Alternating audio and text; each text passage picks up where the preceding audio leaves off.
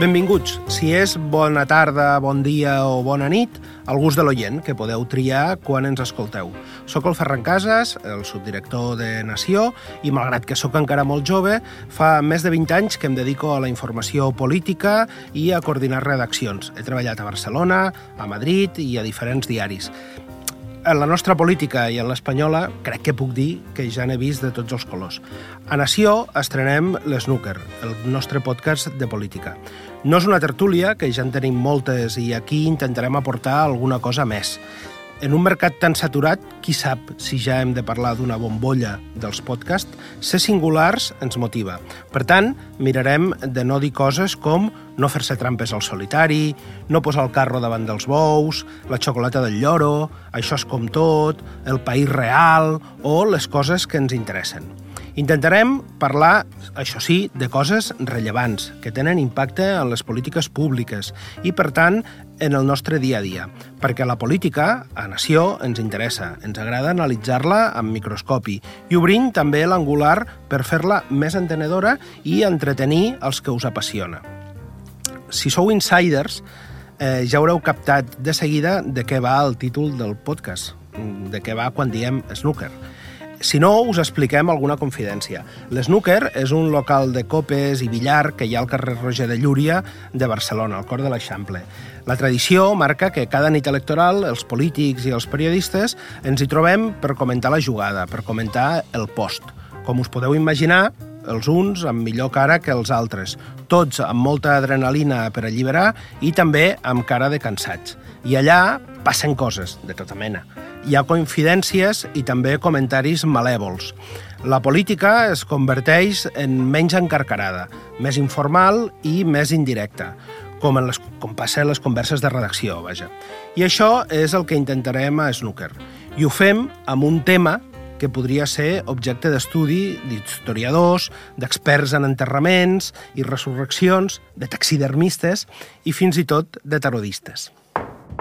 Nosaltres volem de totes totes, de totes totes, nosaltres volem que la gent entengui que votar en aquesta ocasió a Convergència i Unió és fer un vot important pel futur de la nostra ciutat. Qui s'ha cregut que som nosaltres? Nosaltres no hem anat a la política per la menjadora. Però es veu que s'ho pensen, perquè es diuen, escolti, ara us fotrem i a més entreu a la menjadora i pensen, és clar, com que aquests el que els interessa és la menjadora, vindran, diguem-ne, com a conellets, allò tites tites, no? Sé què vol dir guanyar i alhora perdre. He après dels meus propis errors, sempre per millorar. He après que no serveix de res lamentar-te, sinó il·lusionar-te per tot allò que pots aconseguir. Anem al gra. Torna Convergència? El partit que va fundar Jordi Pujol es va autodestruir ara fa nou anys després de la confessió del patriarca. La deixa va fer insostenible la situació i es va sumar al trencament amb Unió, a les turbulències del procés i a casos de corrupció, com el del Palau o el 3%.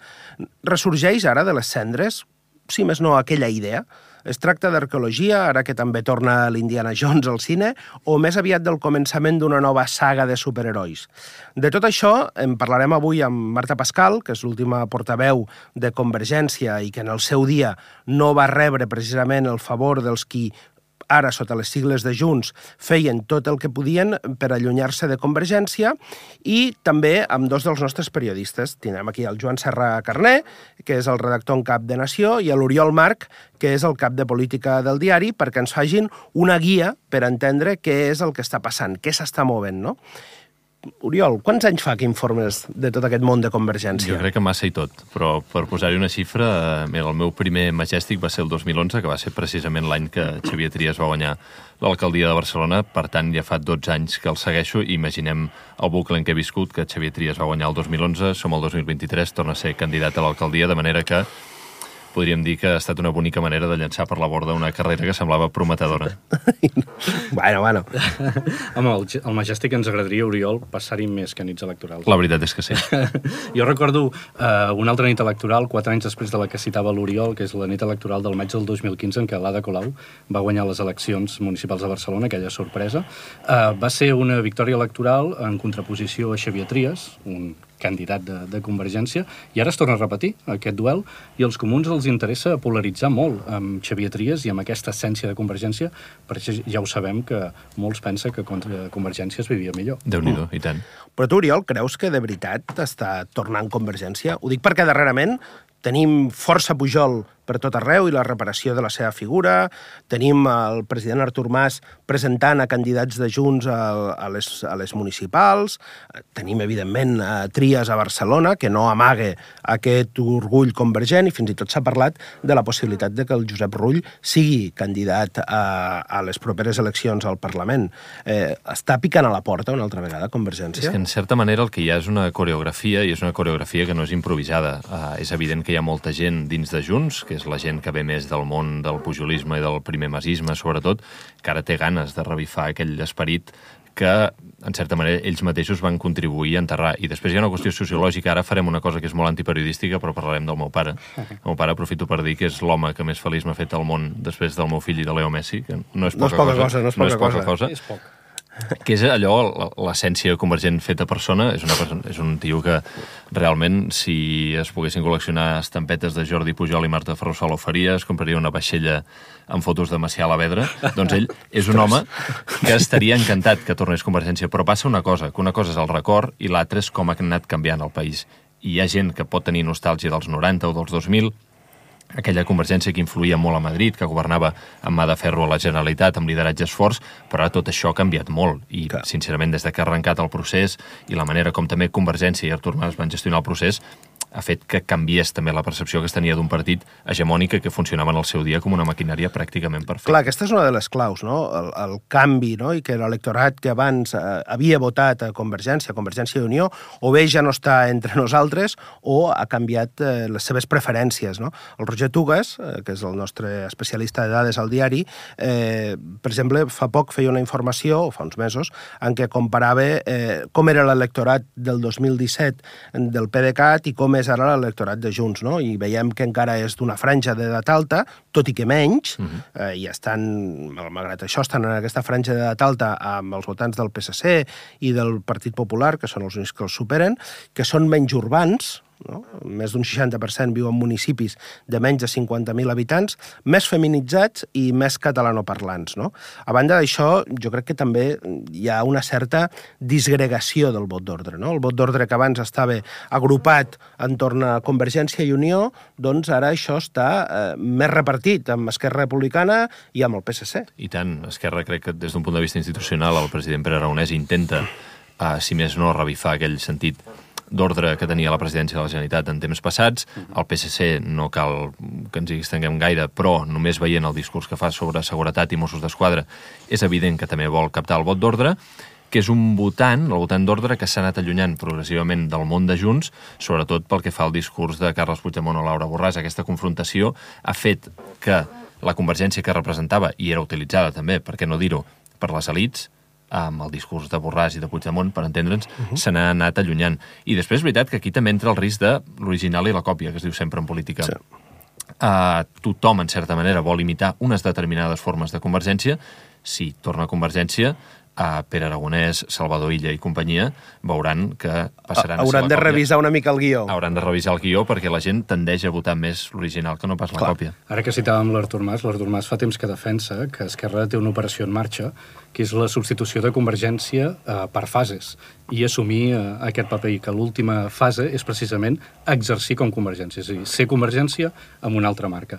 Ja sabem que els matrimonis no són senzills, això ja, ja ens ho explicarà l'Oriol, si un cas un altre dia. Ja en farem un podcast específic, si voleu. Exacte, però la relació precisament d'Artur Mas i Oriol Junqueras, com tots dos eren socis a, al Palau de la Generalitat i al, i al Parlament, va acabar com el Rosari de l'Aurora. Sí, i de calma i tranquil·litat a Junts també n'hi ha hagut més aviat poca, perquè si el PDeCAT havia de ser la refundació eh, de Convergència, com a mínim s'està allargant perquè ja fa set anys que la cosa va. Home, és que realment moltes vegades els periodistes en, ens dediquem a fer aquelles famoses galàxies que en el seu dia va popularitzar la, la Vanguardia Sí.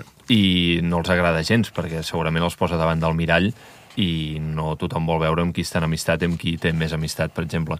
Això, quan els polítics s'enfaden, va amb el sou, amb el sou nostre, no amb els dels polítics, però això mm. és una altra història. Uh, I és evident que dins de Junts no és el mateix uh, Jordi Turull que Aura Borràs, o Jaume Giró que Aurora Madaula, Victòria Alzina que Francesc de Dalmases, o el mateix Xavier Trias, per exemple, mm -hmm. no és el mateix que Joan Canadell, per resumir-ho d'una manera més o menys didàctica. N'hi ha uns que enyoren Convergència, uns altres que la menyspreen, que enyoren segurament aquest sentit de l'ordre, la maquinària electoral greixada, el fet de aquesta vinculació pràcticament fetichista amb el despatx, amb tot el que significa el despatx que vol dimanar, i en canvi és veritat que hi ha gent que el que no li agrada és aquella herència que citaves tu molt al principi, els casos de corrupció, una visió una mica patrimonialista del país. És veritat que dins de Junts hi ha aquestes dues ànimes, una senyora en Convergència, una altra no tant, veurem qui acaba emportant-se el gat a l'aigua, que és una frase de tertulià de primera. Exacte. De primera exacte. divisió. No, el problema és que, com deies, Oriol, els que valoren Convergència i el que la menyspreen han de conviure a la cúpula de Junts, i aquesta és la gran dificultat que hi ha, i, i aquí el que té un, un paper complicat és, és Jordi Turull, i en aquest equilibri tan difícil, veurem quan dura aquest equilibri, si això no acaba amb alguna esgarrinxada més seriosa, això s'ha vist, o ha estat molt evident, per exemple, en la discussió i en les reaccions del cas Laura Borràs després de la sentència. Mm -hmm. És cert que sempre han aconseguit eh, sobreviure, però que l'espai també s'ha anat fent petit, no? D'aquells 70 escons, eh, setantena d'escons de Jordi Pujol, el 62 eh, de Mas al 2010, actualment a 32 escons, no? Però sí que una cosa que a vegades eh, comenta l'Oriol, que a Twitter es veu tot de nois joves darrerament que intenten tornar a revifar aquest espai i es fan moltes fotos eh, amb el president Pujol i, sí, i el van a veure. Són aquells trajos de barreja de comercial immobiliari i primera comunió que sap una mica de greu, però si ells estan orgullosos, endavant. No els faltis tant, no? No, no, però és un perfil de gent i està molt bé a veure Jordi Pujol. Eh, També és veritat que segurament són els fills de qui van contribuir a enterrar-lo en el seu dia. Sí. La veritat és que ens està quedant un snooker una mica boomer. Eh, no sé si la Marta Pascal, que és la nostra convidada, es definiria així, encara que per generació no li toca. Bones, Marta, benvinguda. Què tal? Soc una millennial, jo, el 100% millennial. Ah, està bé, està bé. Està bé. doncs anem una mica al tema que ens ha portat avui aquí, Marta. Qui va matar Convergència i qui la vol ressuscitar? No hauria sortit més a compte no enterrar-la no enterrar ni que fos per estalviar-se tota la cerimònia? Sí, poder hi va haver-hi poc debat eh, respecte de si se l'havia de, si s'havia d'enterrar el nom o no, uh -huh. perquè recordo que en aquell comitè executiu nacional que, que es va fer sobre el superdissabte, no? que era una mica eh, on els militants havien de decidir a priori eh, què havia de passar amb la marca i amb el nom, etc etc. debat n'hi va haver poc. És a dir, eh, aquí eh, el que, la línia del secretari general i del president doncs, era, era fort. Jo crec que la, la maten els mateixos que ara la volen ressuscitar, crec que, que és francament així, i també la mata eh, una successió de, de, de temes diferents, és a dir, hi havia una certa luminosa electoral en aquell moment, Convergència no era ja competitiva en una zona on el gruix poblacional del país és important, l'àrea metropolitana, Barcelona, etc etc. Hi ha un tema de desavinences personals molt evident, eh? i això en política es paga, perquè, eh, diguem-ne, l'elector et vota si et veu útil, i, i si no, et deixa la cuneta. Uh -huh. Tu deus ser de les poques persones que si pel carrer algú se la troba i li diu que és una convergent, eh, s'ho pren encara com, com un elogi. Eh, en aquesta darrera etapa de Convergència, a més d'aquesta aluminosi electoral de la que ens parlaves, hi havia també molt acomplexament? Sí, jo, jo sempre dic, sóc una Convergent sense partit, i llavors, eh, quan sento aquests debats de no, si, si Convergència, si va ser bon, evidentment tots els projectes polítics tenen coses bones, coses dolentes, mm però, però, però sí que és evident que van faltar anclatges, no? van faltar maneres de plantejar un projecte de país actualitzat. No? I hi havia complexament. I l'acomplexament es paga perquè un mateix s'ha de reivindicar. I escolta, si alguna cosa no es va fer bé, era qüestió de dir-ho. Uh -huh. I aquesta autocrítica potser va ser i va ser poc en el sentit positiu i en canvi va haver molt d'autodestrucció, molt d'amaguem-nos. I clar, això no és just ni pel llegat ni per la projecció de futur que tu vols tenir. Qui representa avui millor l'essència d'aquella etapa? Dic perquè, per exemple, Xavier Trias eh, ho reivindica eh, molt obertament. Eh, Jordi Turull ve d'allà, o Josep Rull. Jo és que no m'ho crec, això. Jo crec que És evident que hi ha una part de persones que han tingut trajectòria en el món convergent que ara són a Junts. Jo crec que Junts no és Convergència. Junts és un partit que es funda i es crea per defensar una causa, que és la causa de l'1 d'octubre. Convergència és un partit amb un projecte de país que es funda eh, per reivindicar la identitat nacional catalana, per defensar la llengua i per transformar i modernitzar el país. Llavors, només en això ja no estic d'acord, diguem-ne, en que aquells que han tingut una trajectòria a Convergència i que ara estiguin a Junts puguin ser capaços de fer-la tornar. De fet, jo sóc de les que diu que Convergència torna sí o sí, però que encara no la veiem eh, diguem-ne, en l'oferta electoral i que això eh, arribarà perquè s'està treballant des de la base.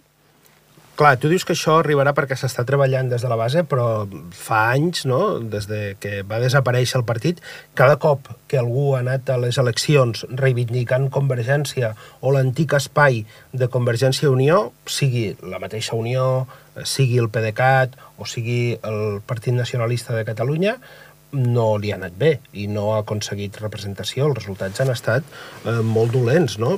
Per tant, no, no, no, aquest, aquest espai no s'està convertint una mica en una cosa mítica? Clar, si te'l mires des de la perspectiva de la nostàlgia, jo crec que aquest és una mica l'error d'entrada. L'espai, des d'un punt de vista de buscar un elector que defensa pragmatisme, que defensa des d'un nacionalisme desacomplexat la llengua, la cultura, el ser útil, això existeix, s'està configurant, i jo et puc posar exemples de candidatures. No sé, estic pensant en el Carles Ribes de Girona, que encapçà la candidatura d'ara Girona, jo recordo, Carles em va venir a explicar, escolta, jo sóc un convergent convençut a Girona, on sembla que tot comença amb l'1 d'octubre, no? pàtria del president Puigdemont, etc etc. Sí, hi ha gent que des d'aquesta reivindicació del llegat convergent volem fer les coses d'una altra manera. És veritat que l'emergència d'alguns perfils polítics que venen de Convergència, president Mas, Xavier Trias, el mateix Jordi Turull, etc etc, en l'escenari de Junts, això confon. Jo crec que això ha fet un flac favor, diguem-ne, en aquesta proposta política, no tant de recuperar Convergència, sinó de fundar un projecte polític desacomplexadament convergent, però connectat amb les causes actuals. Temes d'aigua, temes de feminisme, temes de digitalització, com transformem el país, com tornem a tenir veu i ens fem útils a Madrid, a Brussel·les, a Nova York, on sigui. Tot això, eh, ara mateix, no té una translació electoral, però en canvi aquest treball de base, no, des dels municipis, etc, crec que ens portarà a que això sigui present. Ara bé, si a mi em dieu és el Xavier Trias i l'Artur Mas qui representen Convergència, jo us dic, home, ells van tenir, evidentment, un paper i tenen una trajectòria, però crec que qui va decidir que Convergència no podia seguir no té cap credibilitat ara per dir que Convergència torna. Més que res, jo això ho, ho assumeixo o ho entenc en un escenari de lluita de poder i de supervivència política, que això ja és una altra cosa. I també el fet de que aquest espai, diguem-ne, quedés alliberat, d'alguna manera, ha fet que el PSC, des de agafant la bandera de l'ordre i Esquerra Republicana agafant la bandera del diàleg i de la incidència política a Madrid, no? que era una de les que eh, havia caracteritzat l'acció política de Convergència i Unió, intentin ocupar aquest espai. Ah, fixa, Ferran, en, en política l'espai buit no existeix. I, per tant, tot l'espai que tu deixes perquè desapareix un actor o perquè no hi ha un actor nou, doncs, evidentment, els que hi són l'amplifiquen, no? Gas, no? Exacte, i això és, i això és d'aquesta manera. Al final, però, l'elector, que és savi, no? i crec que a vegades la política catalana i la política espanyola es despista, no? O a vegades no, no, no es recorda que realment qui és savi és l'elector. I al final els polítics són actors, no?, que vehiculen unes idees i que les transformen en polítiques públiques. Però al final, cada quatre anys, o cada dos anys, o cada tres, quan toqui, tu estàs al davant de les urnes i allà, diguem-ne, aquella és, diguem-ne, la, la, la solució o la proposta que triomfa o no triomfa. Però fixa't, Esquerra Republicana està fent de Convergència? Mm, Potser, en la mesura que fins ara havia criticat el que peix al cova i en canvi ara dona estabilitat al govern espanyol a canvi d'algunes coses per Catalunya, en això, bueno, doncs, doncs segurament. Ara bé, hi ha una part d'Esquerra Republicana que està defensant més un projecte d'esquerres per a Espanya que no pas una defensa d'un projecte polític nítidament independentista. Això per una banda. El PSC, és veritat que el procés, en la mesura que polaritza molt, li deixa un espai extraordinari en el PSC per agafar la bandera de l'ordre. I jo que crec que ser ara mateix d'ordre i moderat és revolucionari, no? perquè sembla que vas una mica contracorrent, eh, el PSC això ho pot representar? Sí, però per mi ser d'ordre és tenir una vocació de transformació extraordinària. No? I aquí és on hi pot haver-hi una batalla electoral interessant d'aquest nou espai, d'aquesta nova proposta política que anirà emergint, amb, evidentment, eh, el PSC. Perquè la sociovergència que viu el president Pujol, per exemple, és ideològica, no tant de manera de fer, perquè des d'un punt de vista de cultura política es tractava de dos grans partits, allò el catch-all party, no?, que en diuen els politòlegs, uns més del centre-dreta, d'altres més del centre-esquerra, però que eren extraordinàriament pragmàtics. Clar, de fet, és interessant això que dius, perquè el tema del catch-all party, eh, Convergència, mm, d'alguna forma, Convergència i Unió, era un catch-all party, i aquest sembla que és un temps que ja ha passat, és a dir, si mirem el nostre, la situació al Parlament de Catalunya, però també a l'entorn polític espanyol o d'altres països europeus, és evident que els grans partits eh, cada cop van a la baixa i que anem a espais més fragmentaris. No? Espais més fragmentats, necessitat de, de, de pactar, per tant, l'escenari dels governs de coalició, l'escenari de que gent diferent s'hagin d'entendre, doncs el trobem escolta, l'hem trobat en aquesta darrera legislatura a l'estat espanyol, però l'estem trobant, per exemple, amb el govern alemany, no? És a dir, venim d'una Merkel i d'una CDU molt i molt potent, que és capaç de fer la gran coalició, cosa que no poden fer, per exemple, Rajoy i Sánchez al seu moment, no poden fer perquè no ho volen fer, no? I en canvi anem a un escenari no, de coalicions. I per tant, a Catalunya, que sempre ens hem caracteritzat per un pluralisme polític més marcat, que en el cas del sistema de partits espanyol, no? eh, això jo crec que és un tret definitori que es va produint. Per tant, sempre en el Parlament de Catalunya hi veuràs aquesta pluralitat. Quin és aquí el repte?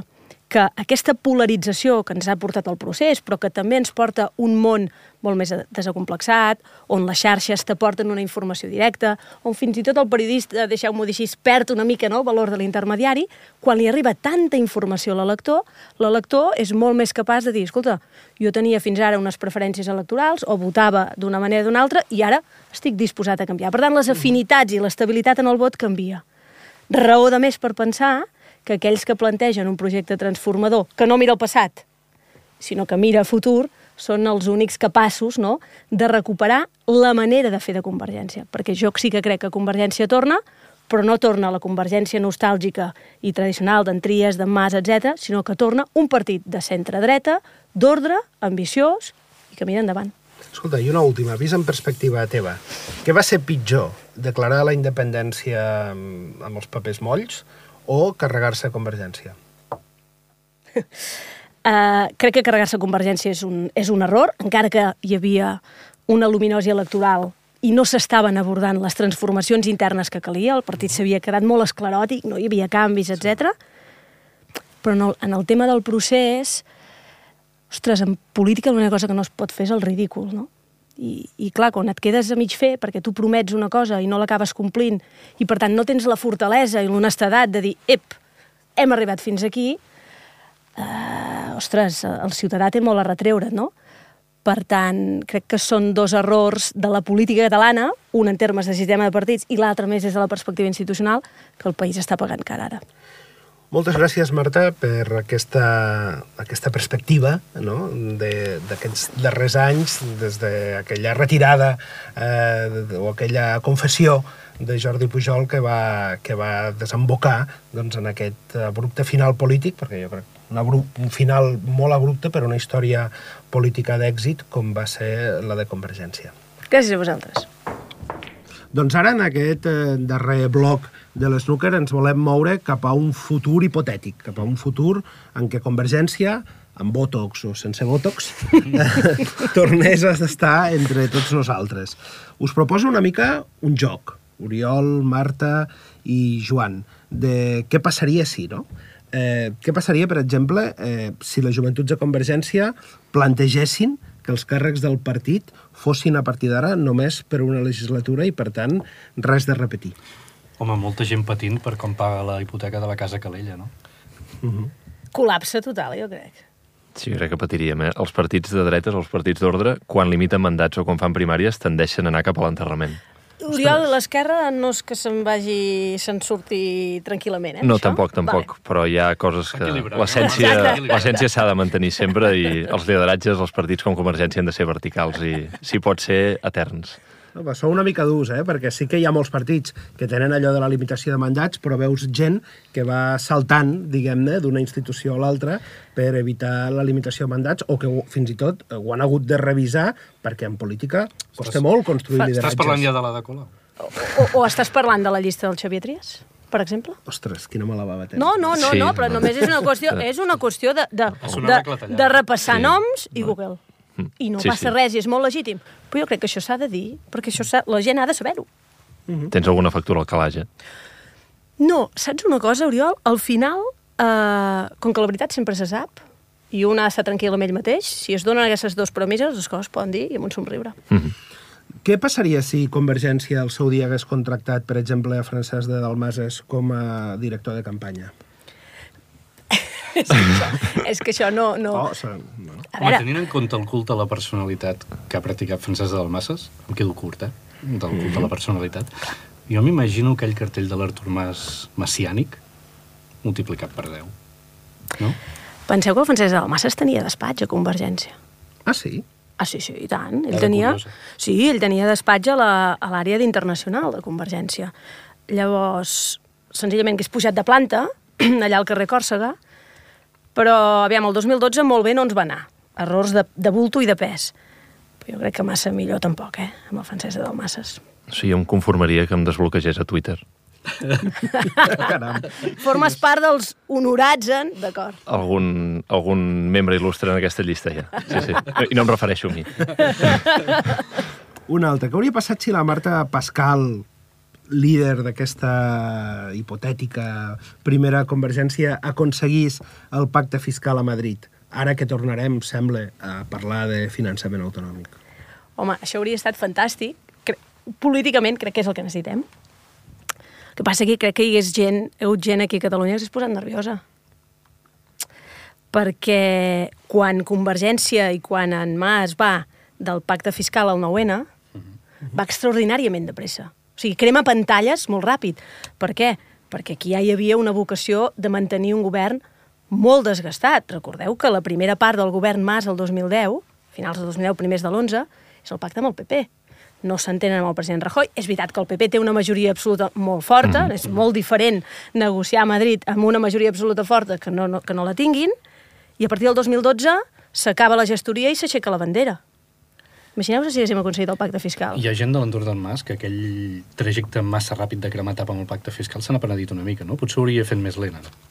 Sí, és que jo crec que des d'una perspectiva estratègica allò va ser un error, eh? perquè al final no és només un tema de que eh, políticament diguem-ne, marquis els tempos, sinó que deixis no? que la societat els maduri i, sobretot, que la ciutadania opini sobre aquells moments. Quan vas tan ràpid, és possible que hi hagi coses que no s'entenguin. De fet, per, a, per aquell pacte fiscal, jo recordo quan es va arribar a un acord al Parlament per portar-lo a Madrid, eh, que hi va donar suport eh, Esquerra Republicana, eh, Convergència, Iniciativa i el PSC. Mm. Va votar eh, la majoria, mm, crec que menys l'agència tributària pròpia sí. uh -huh. eh, i que desaparegués l'agència tributària espanyola de Catalunya, eh, ho va votar tot, no? Avui en dia, clar, seria molt difícil, perquè després d'aquests de, de anys de procés, pensar ara en un escenari de retorn al pacte fiscal amb un consens intern fort dins de l'independentisme seria molt complicat. Seria molt complicat. I en tot cas, Marta, si haguessis aconseguit el pacte fiscal o si l'aconseguissis ara, em sembla que t'hauries de treure a Twitter unes setmanetes.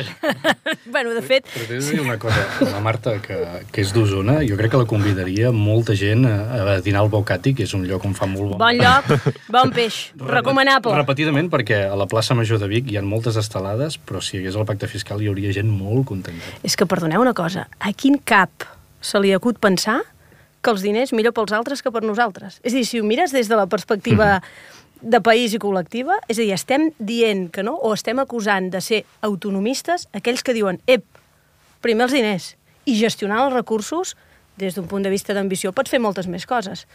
Per això crec que una cosa és la independència, l'altra el procés i l'altra el processisme. I aquí en tenim uns quants que estan instal·lats en el processisme i que en el fons, com que els qui defensen aquesta via més pragmàtica, més d'entesa, més d'entendre també el nostre món, perquè escolteu, el nostre és un món molt interdependent, és a dir, nosaltres podem reclamar la independència el que vulgueu, però Catalunya pel món sola no hi pot anar, això és, això és així, no? Mm -hmm. Llavors, aquests són els que acusen de no, no, és que demanar el pacte fiscal eh, és ranci, no?